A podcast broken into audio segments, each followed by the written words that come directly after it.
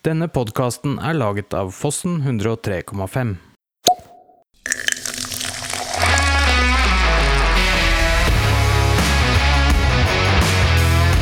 Spis! En podkast om mat for hele Ringeriksregionen. Velkommen tilbake til podkasten vår. I dagens episode har vi glede av å ha med oss Jon Gulbrandsen. Og mange kjenner ham sikkert fra Kirkens Bymisjon sin kafé i Hønefoss, eller fra slaktebutikken til Leiv Vidar. Men Jon, han har sysla med mye mer enn det. Jeg tror til og med jeg har møtt min overmann hva rastløshet angår. Og med en fyr som Jon i studio, så er det ikke bare enkelt å kun snakke om mat.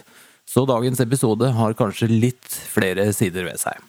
Artig blir det i hvert fall.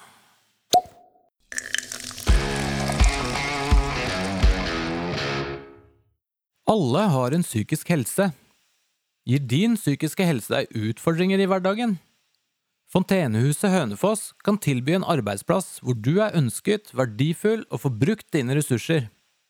Vi hjelper deg videre til jobb, studier og aktiv samfunnsdeltagelse. Du trenger ingen henvisning eller å fylle ut en søknad.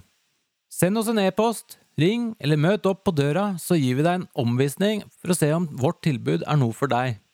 Fontenehuset Hønefoss finner du også på fontenehuset.com. Visste du at annonser i podkaster er tre ganger mer effektive enn i TV-serier? Podkaster har ofte lojale lyttere. Nå kan også du annonsere hos Fossen 103,5. Vi har meget konkurransedyktige priser. Sjekk episodebeskrivelsen. Der finner du en e-post du kan sende dine spørsmål til. Alternativt kan du ta en titt på nettsiden fossen1035.tv.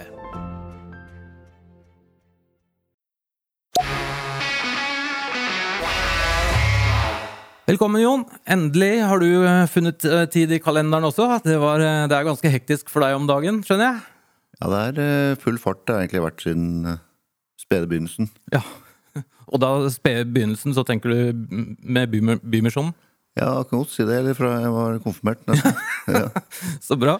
Du, ja, du har jo gjort ganske mye forskjellig, eh, men ganske mye av det har vært relatert til eh, mat eller servering av mat. Eh, Kan vi få en sånn mini-CV av deg, eller?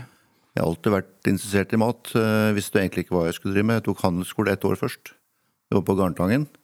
Og så hadde Arne Vidar kommet der og spurt Morten om han kjente noen som kunne bli gode pølsemakere. Så sa Morten at Jon står i hvert fall på. Du kan spørre han.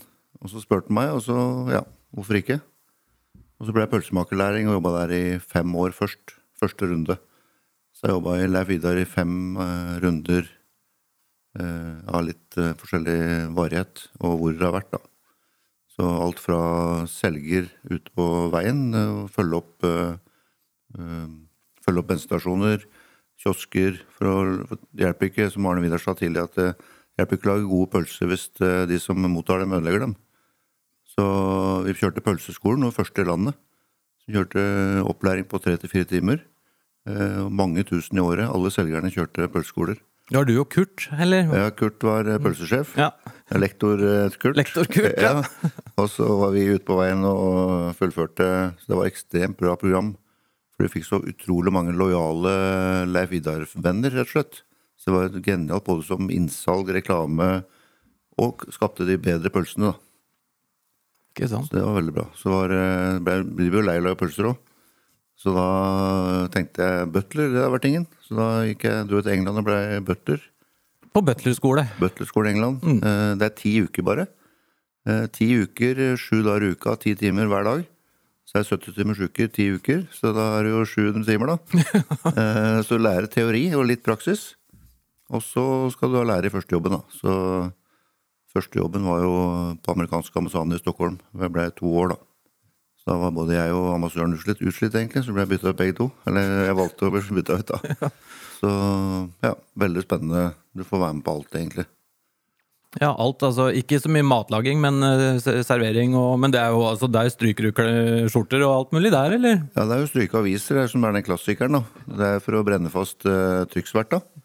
Jeg gjorde, har aldri gjort det i en jobb, egentlig, men vi lærte det, da. Så jeg var på klar, ferdig jobb med Tande-P på, var det på 90-tallet eller sånt, tenker jeg. Da var det å stryke avis, da. For å vise hva jeg drev med. Så, men du, du er mye med på maten også, fordi at du skal sørge for at huset er, til, er i en toppstand hele tida. Så alt fra gulvvask til eh, maten som blir servert, er på en måte ditt ansvar. da. Du må jo kunne referere hva alle ingredienser er, blant annet. da. Ja, så jeg har vært liksom litt god på alt, egentlig. Aldri vært noen spesialist på én ting, eller jeg kan mye om litt om mye, da. Du er sånn potet, du, sånn som meg. Så det er en god sånn eh, butler-greie at hvis du er god på mye og rastløs, så er det en veldig bra sted å være. Så når jeg var ferdig der, så dro jeg til eh, Da var det en filletante som lurte på om jeg ville bli, bli kjøkkensjef i Santa Barbara i California.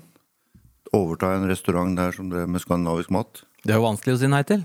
Ja, ikke sant? Så jeg dro dit øh, og skulle overta restauranten og huset hennes og alt, egentlig. Eller kjøpe det, da. Men øh, jeg tenkte etter noen måneder at borte ble hjemme best, egentlig. Så når en kamerat ringte og lurte på om øh, vi dra til Libanon sammen og bli butler der For øh, han generalmajor Furuhovde hadde fått sjefsstillingen. Norge fikk sjefsstillingen for hele Unifil-styrken. Da står det i spesifikasjonene fra, fra FN at det skal ha med seg livvakt og butler. Og da var jeg den eneste butleren i Norge. Så når jeg søkte, så var det ikke noe vanskelig å få den jobben. Så jeg søkte, fikk jobben og var hjemme 9. januar, tror jeg, 93, og reiste 18. januar, så reiste jeg ned til Libanon. Var der to og et halvt år, da. Så var fem kontingenter i Libanon. Eh, og da lagde jeg all maten. Da var jeg jo oppvaskhjelp, eh, kjøkkensjef, eh, servitør eh, og sjåfør i to og et halvt år, da. Du var ikke livvakt også, eller? Nei, det var jeg ikke. Nei. Men jeg hadde med våpen, for så vidt, men på tur, da. Så vi var jo rundt hele tida. Det var fantastisk to og et halvt år. Så jeg har vært flere ganger tilbake i Beirut og snakka om mat, da. Så er det jo et sted å spise mat, det er i Libanon også. Det er ordentlig godt. Og det kommer vi litt tilbake til etter hvert. Men eh, ja, fra Libanon, og så eh, kom du deg hjem igjen. Og da var du tilbake i, i Vidar-systemet. Da var jeg tilbake, da var jeg som selger, og da jobba jeg sånn seks år som selger. Og så skulle jo butikken på Nordsida, den eh, skulle ha en ny sjef. Spurte Arne å begynne der, da. Da jobba jeg med Ny et år som ferskvaresjef der. Eh, sånn, så reiste rundt på elleve butikker og fulgte opp de ferskvareansvarlige der, da. Så det var ett år med mye kjøring, og så sinte Arne og jeg overta butikken. Og så gjorde jeg det i tre år. Den, det gikk jo greit. Uh, slutta igjen og begynte med hydraulikk. det er med hydraulikk, Så han spurte meg på intervju hva jeg kunne om hydraulikkslanger. Så sa jeg jeg har en Gardena halvtom hjemme, og den, eh, det passer jo sammen. Så, eh, mens jeg sa at eh, hvis det gjelder salg, og hvis produktet er bra, så skal jeg selge det. Så det gikk jo kjempefint. Jeg lærte masse om hydraulikk i fem år, og så ringte Arne og venn og begynte å ta over den butikken, nye butikken ved Søndre Torv der, Arkaden. Mm. Så jeg vil ikke kjøpe den, men jeg kan drifte den et år for å se om det er mulig å få til å gå rundt. Men det var ikke mulig. Det er, eh, det er 300 000 i omsetning per dag de siste ti dagene før jul. Og alle står, alt står på huet. Og så er det 5000-6000 i januar. Fortsatt fem mann på jobb. Du har ikke sjans til å få det til å gå rundt. Så det er, eh, og det er veldig mange som sier at de savner butikken, eller, men det er, eh, hvis du ikke handler der hver dag, så, så kan du ikke savne det, egentlig. For det er, det er det vi er avhengig av. At folk kommer og igjen og igjen og handler. Mm. Men det er jo masse læring i det. det er, jeg har lært vanvittig mye av Arne Vidar i forhold til eh, alt fra pølsemaker, da, og vise eh, hva som er viktig med mat. Og så skal du, du kan ikke ta neve av det og neve av det og neve av det når du skal drive stort. da. Du må vite akkurat hvor mye gram det skal være. Ja, det skal være likt hver gang, vet du. Når Arne Vidar lagde pølser, så var det ikke én kilo pepper, det var én kilo smak. Så Raps i Tyskland de blanda krydderblandingene etter styrke i tillegg. Så når han fikk den posen, så var det ikke sikkert han var like mye, men han var 100 smak. Sant? Så bare sånn, Det også å ha knivene skarpe liksom, Mange pølsemakere de slipper kniven tre ganger i året. Han slipper kniven hver dag. Hadde en mann som drev kun med det. Så er det å knuse kjøttcellene istedenfor å skjære dem, er ekstremt viktig i forhold til å få bitt i pølsa. da. Så han gjorde liksom veldig mye grep som jeg har lært masse av. i hvert fall. Nei, men Utrolig spennende. Men nå har du bytta litt beite, sjøl om det fremdeles er mye mat involvert i det du driver med i Kirkens Bymisjon. Men det er jo kanskje ikke eh, hoved... Jeg vet ikke om, Hvor er hovedfokuset ditt i den eh, butikken? Hovedfokuset er å hjelpe folk videre i livet, egentlig. Det er vel det som er hele Jeg har sagt at de skal lage verdens beste kafé og verdens beste vaktmestertjeneste.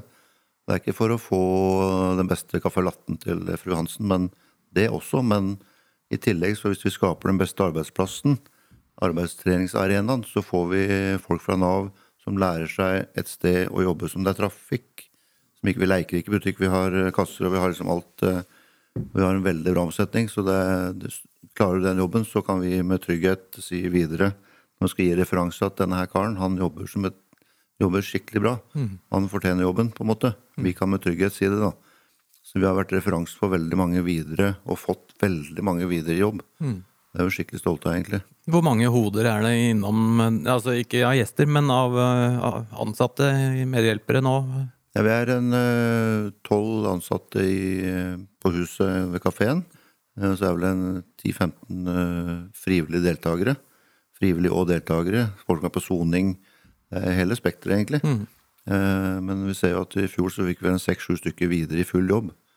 Og det er en fantastisk eh, eller en tilfredsstillelse å kunne få folk videre i jobb som virkelig ønsker det.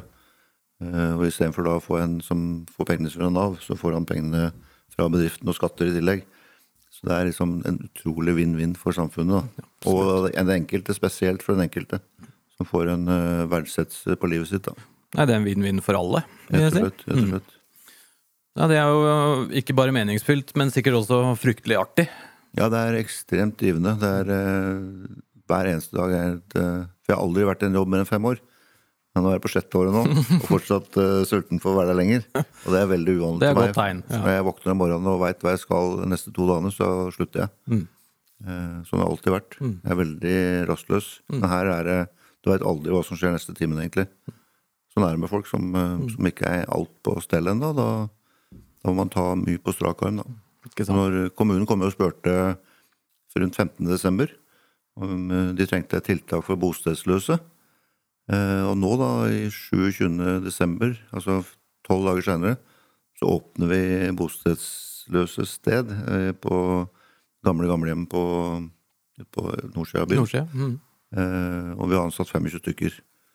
Eh, og det gjør seg ikke sjøl. Vi har utrolig mye bra folk som hjelper til, og alle bidrar. da. Kommunen og alle, liksom, og, kommun, og sentralt i Oslo, Drammen hjalp meg til å komme i gang. Alt skal på plass. og Det er, eh, var en skikkelig bra dugnad. På 10-12 dager så åpner vi, på en måte. Fra null inn i huset der til eh, klart med senger og ansatte, og alt var plass. Det er jo helt spinnvilt, rett og slett. på tolv dager. Det burde tatt seks måneder. Ja, liksom. ikke sant. Så, men når kommunen snur seg, så er det, skjer det ting. altså. Ja. Veldig, veldig bra. Ja, ja men det er, eh, det er storveis. Du, jeg må si jeg har jo et forhold til den kafeen, og det har vel alle som har vokst opp i Hønefoss. Eh, Vi har jo vært innom eh, gamle Narum også, ikke sant, og jeg husker mm, mine første besøk der med min mormor som kanskje bare fem-seksåring, og noe gjærbakst opp i andre etasje der. Og, er det noe på menyen der nå som henger fra, fra de tider, eller? Ja, Det var veldig viktig for meg egentlig å få den eh, tradisjonen videre. Så Siv, som er liksom lederen i kafeen, hun har jobba 15 år i Narum før. Og hun har Jan Erik eh, som hadde drevet etterpå. Eh, og i tillegg så fikk jeg han ene konditoren der, eh, en polsk eh, konditor, som også hadde oppskriften inne i hodet. eh, Som eh, fikk til å begynne, som hjalp meg i begynnelsen til å komme i gang. Så vi, der også starta vi opp på seks uker. Fra vi overtok til vi starta opp. Og det var en av grunnene var at vi fikk til de oppskriftene og dette her som er, eh, var veldig bra for Narum. da. Så har vi vært veldig opptatt av ferske boller skal være ferske. Hvis de lager bedre boller på Circle K på Vik, som er innmari gode på boller, forresten Hvis vi lager dårligere boller enn de, så har vi gjort noe feil. Vi er jo konditoren, vi skal gjøre de beste bollene. Så vi lager jo bollene, og alt av kake lager fra bånn av. Så det er to konditorer ansatt som lager alt fra bånn. Så det er eh, Ja, det går eh, Næringslivet er tatt oss i bruk veldig. Hva er det som, eh, redd bortsett fra kaffe, jeg regner med at det er det som blir trykt mest inn eh, på kassa, men eh, hva er bestselgeren? Nei, det er bagetter, rundstykker. Du får på en måte rundstykke med ost og skinke for 25, eller 30 nå, da. Og 25 for kaffen. Da er det 55 kroner, med påfyll. Så vi har jo utrolig mange. Det er i hvert fall mellom 250 og 300 da, på en rolig dag innom. Pluss da, hvis vi to handler, så er det jo én som handler, egentlig. Så det er jo mange flere enn 250-300 som er innom. Eh, ja, så til og fra jobb. Vi åpner sju. Sju til fem hver dag. Så det er frokost og lunsj, på en måte. Frokost, lunsj. eh, ja. Samme, samme menyen. Ja, ja, ja. Veldig morsomt å høre om det, og jeg gleder oss til å se utviklinga der nede. Eh, Jeg regner med at den er, kommer til å gå stedig. Vi må over til noe litt annet. Jeg vet jo også at du er litt av en eh, sjøulk. Jeg er glad i, glad i havet. Jeg var i kystvakta i militæret, var marinedykker der. Eh, og har sett mye marint liv. Eh, et av høydepunktene var da jeg dykka utafor Sortland. Det var på 32 meter. Og Der var vi i en liten fiskestim, og så kommer det en fugl ned til oss på 32 meter. Tar tak i en kime og, og svømmer opp igjen. Oi. Og når vi kommer opp, så spør de oppe som uh, fulgte oss, da, at uh, så du en fugl som uh, flånt, for den dykka rett ved siden av båten vår. Vi var helt i hundre. Uh, på 32 meter, også. Så det, det er en sånn opplevelse du aldri glemmer. Jeg hadde kamera til og med med meg. men Du rekker jo ikke å ta opp det sant, på halvannet sekund når du ser den. Hva slags fugl var det? Har du noe anelse? det var sånn snipelignende, Ja. ganske tynnvinga fugl, da. Så det var helt utrolig at den kom ned til der vi akkurat der vi var. Ja, vanvittig. Ja. Men eh, ja, for du seiler, er det ikke så? Jo, har en seilbåt sammen med et annet par. Mm. Eh, Jeg tenkte at eh, en seilbåt er Det tror jeg er en av verdens dyreste hobbyer. Så hvis du kan halvere den beløpet, så, så er det Det er overkommelig. Mm. Så vi er to familier som deler den, og bruker den halve sommeren hver. da. Tre og tre uker om sommeren, altså så én og én uke foran og bak der. Hvor stor båt er dette, da? Er det Det er en sånn 42 fots seilbåt. 42, ja. Så ja, ja. så veldig grei størrelse. Mm. Ti år gammel. Jeg har en på 65, da. ja greit. Ja. Den er 65 centimeter fra ja, ja, bunnen av kjølen og til toppen av masta. Ja, greit. Den er fjernstyrt. Ja, akkurat. Ja. Det er veldig artig, men der er ikke plass til så mye mat om bord. Du kan teipe en lakrisbåt på dekk, kanskje, men eh, Ja. ja. Jeg får en veldig ro når jeg er på sjøen. Mm. Så det fikk jeg egentlig fra Kystvakta når du sitter på brua der og muser utover for å se etter fiskebåter og sånn, så får du roen rett og slett. Så 14 dager ute av gangen der gjorde meg veldig godt. Får du lagd noe mat om bord i byssa di der, da? Eller? Ja da. Ja. Vi, vi er, eh, maten er et av høydepunktene. Eh, Og ferskt brød om morgenen har vi hver dag. Det er aldri ikke nystekt brød om morgenen. Nydelig. Og det som er nystekt brød, kan like godt være et halvt brød fra dagen før. Ja. Eh, Et ferdigstekt brød, putte det i ovnen 10-12 minutter, så er det som nybakt. For veldig mange sier ja, men du kan ikke steke det. Jo, det kan du gjøre. 10-12 minutter, så er det ferskt brød dagen etter òg. Så ja. Så brød om morgenen, ferskt brød, det er avhengig av. Og mye sjømat, da, eller? Jeg fisker litt, men eh, det er like mye biff som eh, Ja. noe annet. Det er det. Ja, pølser og hva Det er ikke bare fisk og strandkrabbesupper og annet. Nei da. Nei da. Har du lagd strandkrabbesuppe, forresten? Aldri. Nei? aldri. Jeg er veldig glad i fiskesuppe. Ja. Så ja.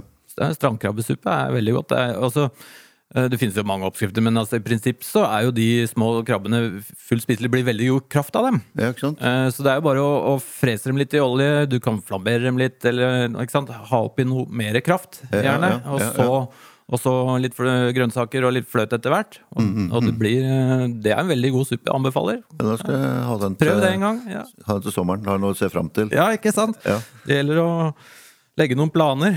Ja. Jeg synes for så vidt Jeg har laget litt mat på båt, jeg men jeg synes det, og det er jo artig å lage mat på båt, men uh, det verste er vel egentlig oppvasken. Ja, det, du må gjøre det sjøl, i hvert fall. En liten oppvaskmaskin. det er ikke noe vei rundt det der. Nei. Du, jeg tvinger jo alle våre gjester eh, mer eller mindre til å velge seg ut en ingrediens som vi kan snakke om, og da kommer vi litt tilbake til det som du var innom eh, med din eh, stasjonering i Libanon. For du valgte deg ut hummus, eller altså ingrediensrett, kall det hva du vil, men Ja, ja. hvorfor, hvorfor akkurat hummus? Jeg skjønner at du liker det. ja, jeg fikk den servert første uka jeg var i Libanon. For det var sånne masse forskjellige restauranter, eller sånne små hjemmekafeer, egentlig, som lagde hjemmemat. eh, Og det, alle hadde hummus. Eh, Og det kan du ha ved dyppet til brød. Du kan ha ved siden av en kylling. Du kan ha liksom, som en tilbehør, nesten som potetris, i tillegg til Så det er utrolig smak. Jeg tenkte det er vanskelig å lage. tenkte jeg, Så når jeg kom hjem, så kjøpte jeg det i ferdig boks. Mm. Uh, det smakte ikke like godt som der nede. Og så begynte jeg å lese litt oppskrifter, og så tenkte jeg at det er jo ekstremt lett å lage. Uh, Så nå lager jeg sjøl bare. Og du sa hummus, for du har hjulpet meg med uttalen, for det er ikke jeg god på. Det? Jeg kaller det bare hummus, men Ja. om det er det hummus eller noe Ja, hummus eller hummus eller spiller ikke rolle. Det er, eh, det er jo eh, kikerter Mm. som du kjøper i boks eh, til ti kroner stykket, liksom. Boksen. Ja, du kjøper de som er i lake, ikke I- de i som lake. er tørre, tørka. Jeg, kjøper lake. Ja. De, det blir i hvert fall veldig godt til slutt.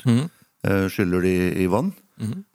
Oppi en sånn, ikke en sånn stavmikser, men en sånn ordentlig som får det til å gå rundt. Sånn type hurtig, hurtig sånn Ja. kvern i, sånt med, kniv i bånd. Ja. Som får det til å rotere rundt. Mm. Det er noen, som, noen av disse maskinene som er innmari gode på det. Få masten til å rotere rundt, så han ikke står bare stille og blir tørr og stopper opp, liksom. Mm. Eh, Jeg har funnet en sånn maskin som er veldig bra på det. På, det er liksom perfekt akkurat hummus. Eh, Og den type masse, da. Og når du har den først kikkerten i bånn, og så er det olje, forholdsvis mye olje. Kan tippe på tre bokser kikerter, så er det et par desiliter olje. Sitron er like viktig, og det er hele libanesiske kjøkken.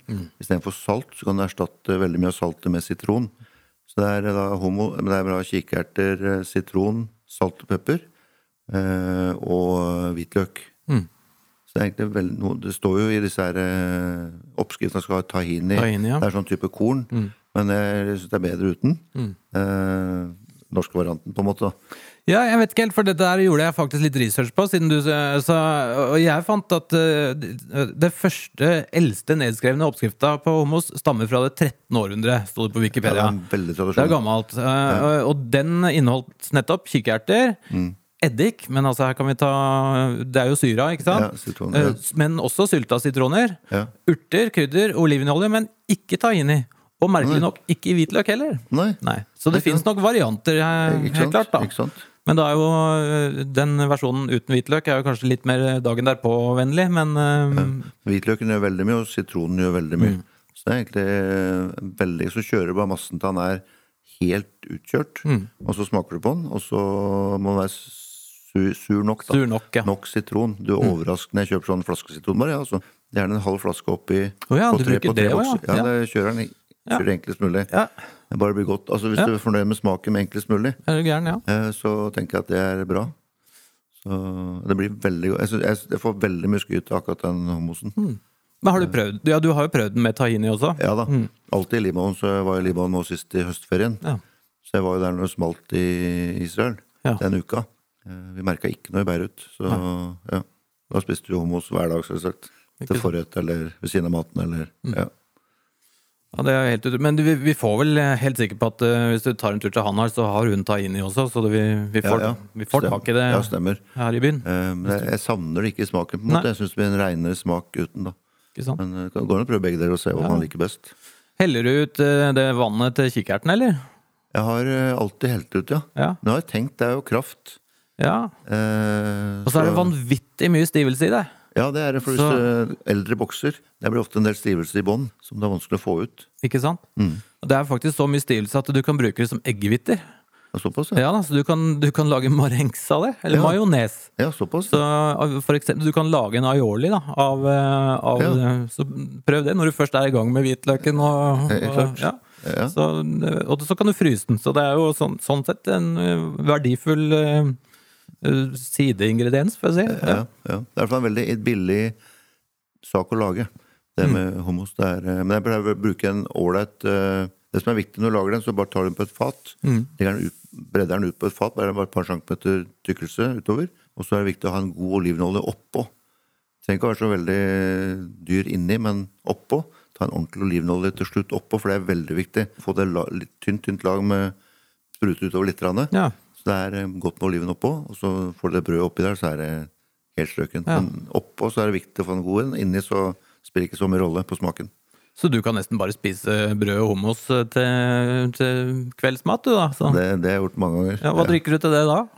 Jeg er veldig glad i cola, jeg, da. Ja, Cola går til alt. Da jeg ble sendt, når jeg jobba som butler, så ble jeg sendt på vinsmaking hele tida. Ambassadøren var veldig glad i vin. Amerikanske viner, da. Så det var mitt ansvar å fylle den vinkjelleren, som skulle være minimum 1000 flasker i kjelleren. Da var det kun amerikanske viner. Da ringte vi bare importørene, og så fikk vi det gratis, for de var jo veldig opptatt av reklameverdien. av å ha Så jeg ble sendt på masse, men det er, etter å ha smakt på tre viner, så klarer jeg ikke å kjenne forskjell. Det, ja. det er mye bra Amerikanske viner er jo veldig bra. Ja da, masse bra, masse bra der. Mm. Du, altså, hummus er jo, har jo en slektning, eh, som du sikkert også kanskje kjenner fra Libanon, altså baba ganoush. Eh, Nei, nei, kjenner du ikke? nei. Eh, det, er, det er den samme oppskriften, bare at du bytter ut kikertene med bakt aubergine. Å ja. Ja. ja. Og det er, så de, ja, du får jo en klar auberginesmak, da. Litt, på en måte en litt mørkere. Eh, Ja. Mangel på ord, men eh, ja. Men også veldig godt. Men, og, og det var litt overraskende at du ikke ja, ja. ja, hadde liksom Jeg er veldig glad i tabbouleh ved siden av. Altså sånn Ja. type med blanding av eh, forskjellige grønnsaker. Mm. Men det er jo den kruspersillen som er viktig. da Å få inn sammen tomat, løk, eh, sitron. Masse sitron Masse der òg. ja. Det er fantastisk godt. Og da er kvaliteten på sitronen viktig òg, egentlig. Ja, da kan nok hende det er viktigere der, men eh, Mm. jeg bruker bare sprutsitron der. Altså, det, det, det blir veldig godt. Mm. Og olje, da.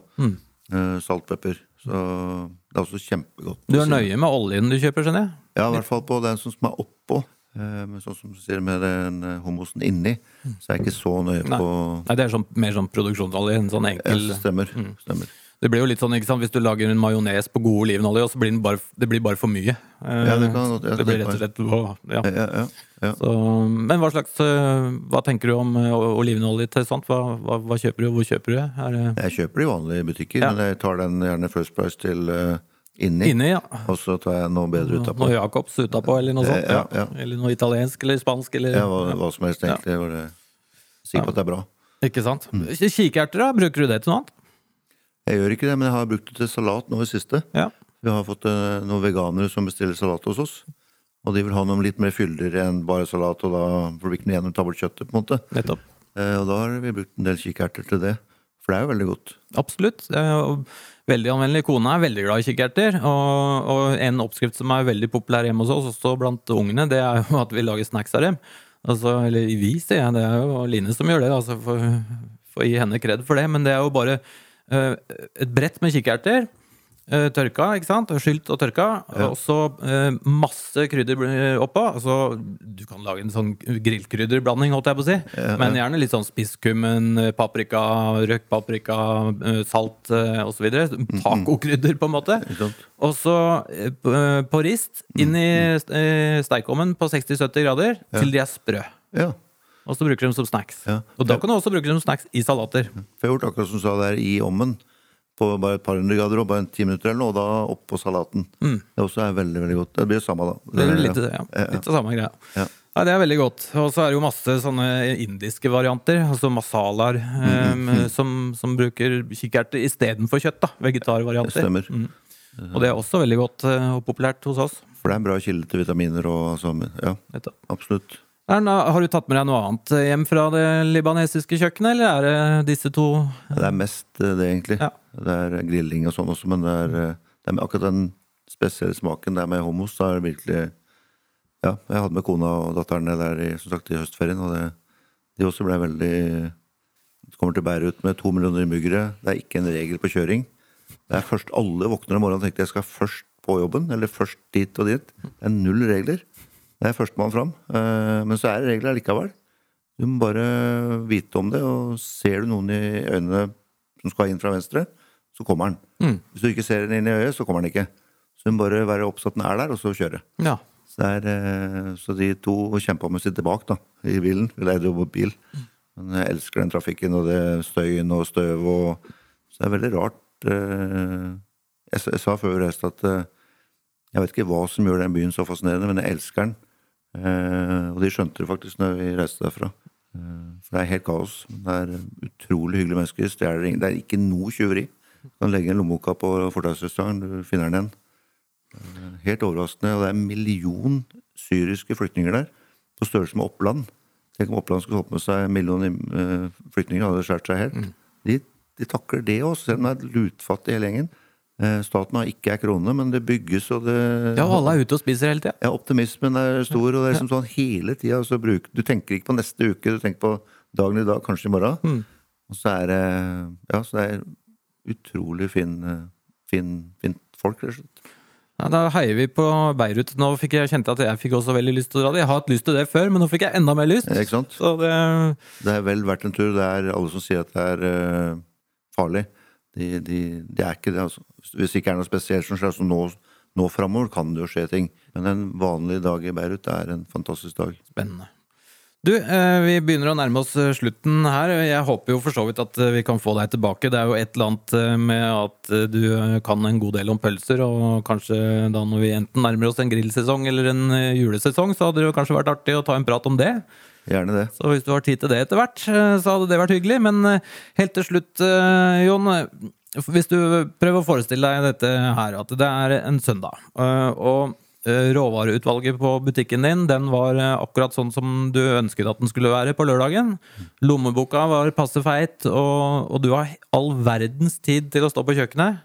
Hva serverer du til familien da? Jeg er veldig glad i en god fiskesuppe, så jeg kunne ha begynt med en god fiskesuppe. Så Aunli og Aunli har en sånn fiskesuppe i den VM-boka fra 82 eller et eller annet sånt. Den eh, har jeg laget flere ganger. Det er utrolig god fiskesuppe. Den kjøper jeg ofte om sommeren nå på restaurant eller Sånne ting. Så jeg er innmari glad i en biff. da, om, eh, Jeg er veldig enkel sånn. Altså, Det må være god biff. da. Og Enten det er reinsdyr eller ingen men det må være mør. Og, og... Så jeg kjøper jo ofte utgåttvarer. Det er det første jeg ser etter. Det er utgått biff. Utgått biff med vakuum som ikke har sluppet i vakuumen. Som ikke er bobler i vakuumen, ingenting, men helt tett i vakuumen. Kan fort ligge en måned ekstra. Men fort begynner å bli litt, slippe litt vakuum, da må du ta den opp. Men uh, så lenge den er helt tett, så er det. Det kjenner jeg meg igjen i. Men, men hva gjør du videre da? Det må vi ta litt videre, for dette er spennende. Altså, jeg gjør akkurat det samme. Ja. Leter etter de der, og så kan jeg la dem kanskje ligge i kjøleskapet mitt også en god stund. Altså, Ja, ja. Og, og, så, og så må de selvsagt være Jeg, jeg kjøper gjerne entrecôtene, da. Så jeg, ha, er ikke så opptatt av at det er så mørkt, men at det er mye smak. Ja. Så jeg vil ha de marmorerte stykkene. Det må ikke være seigt, i hvert fall. Eller, altså, det, hender at det kan godt være litt hardere, men det må være, kan ikke være seigt. Det er enig. Så du ser ofte på litt sånn eh, stressa kjøtt.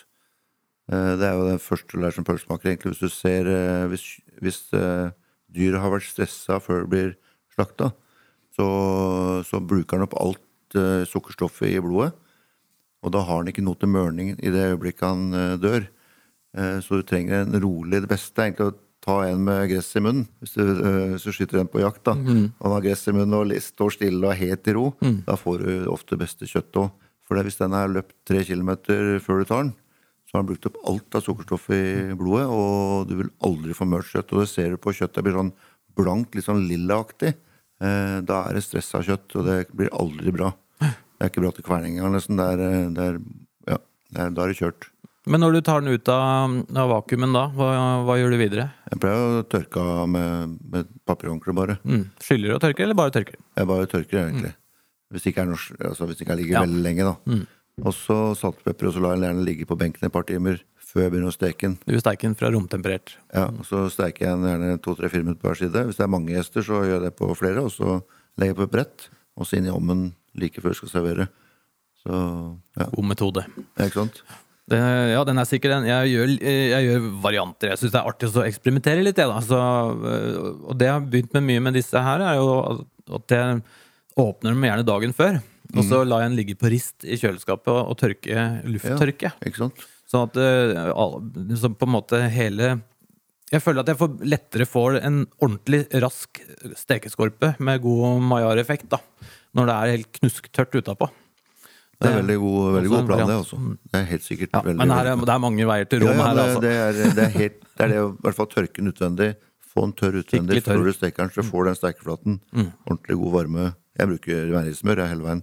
Så, Ja, du gjør det, ja? Å, du, ja. så koker jeg panna, og så blir det en del sky av det. Og så, ja.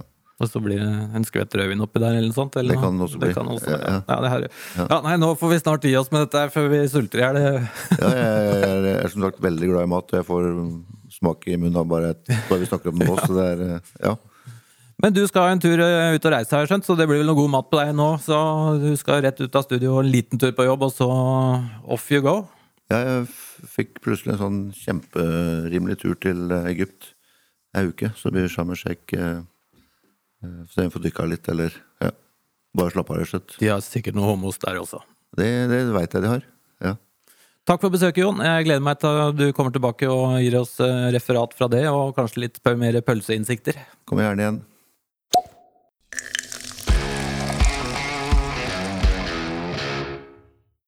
Alle har en psykisk helse. Gir din psykiske helse deg utfordringer i hverdagen? Fontenehuset Hønefoss kan tilby en arbeidsplass hvor du er ønsket, verdifull og får brukt dine ressurser. Vi hjelper deg videre til jobb, studier og aktiv samfunnsdeltagelse. Du trenger ingen henvisning eller å fylle ut en søknad. Send oss en e-post, ring eller møt opp på døra, så gir vi deg en omvisning for å se om vårt tilbud er noe for deg. Fontenehuset Hønefoss finner du også på fontenehuset.com.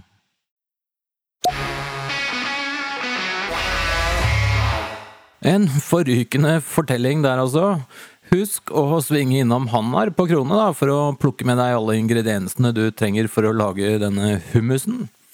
Jeg overlater det til deg å bestemme om du vil ha din hummus med eller uten tahini. I neste ukes episode er vi ikke helt sikre på hvem som kommer, men det er så mange å velge mellom. Har du forslag til gjester du mener vi burde ha med? så setter jeg kjempestor pris på om du spiller det inn i en av våre kommentarfelter på sosiale medier eller sånn. Husk å dele alt innhold du syns er bra. Ha en super dag, og så høres vi igjen om en ukes tid.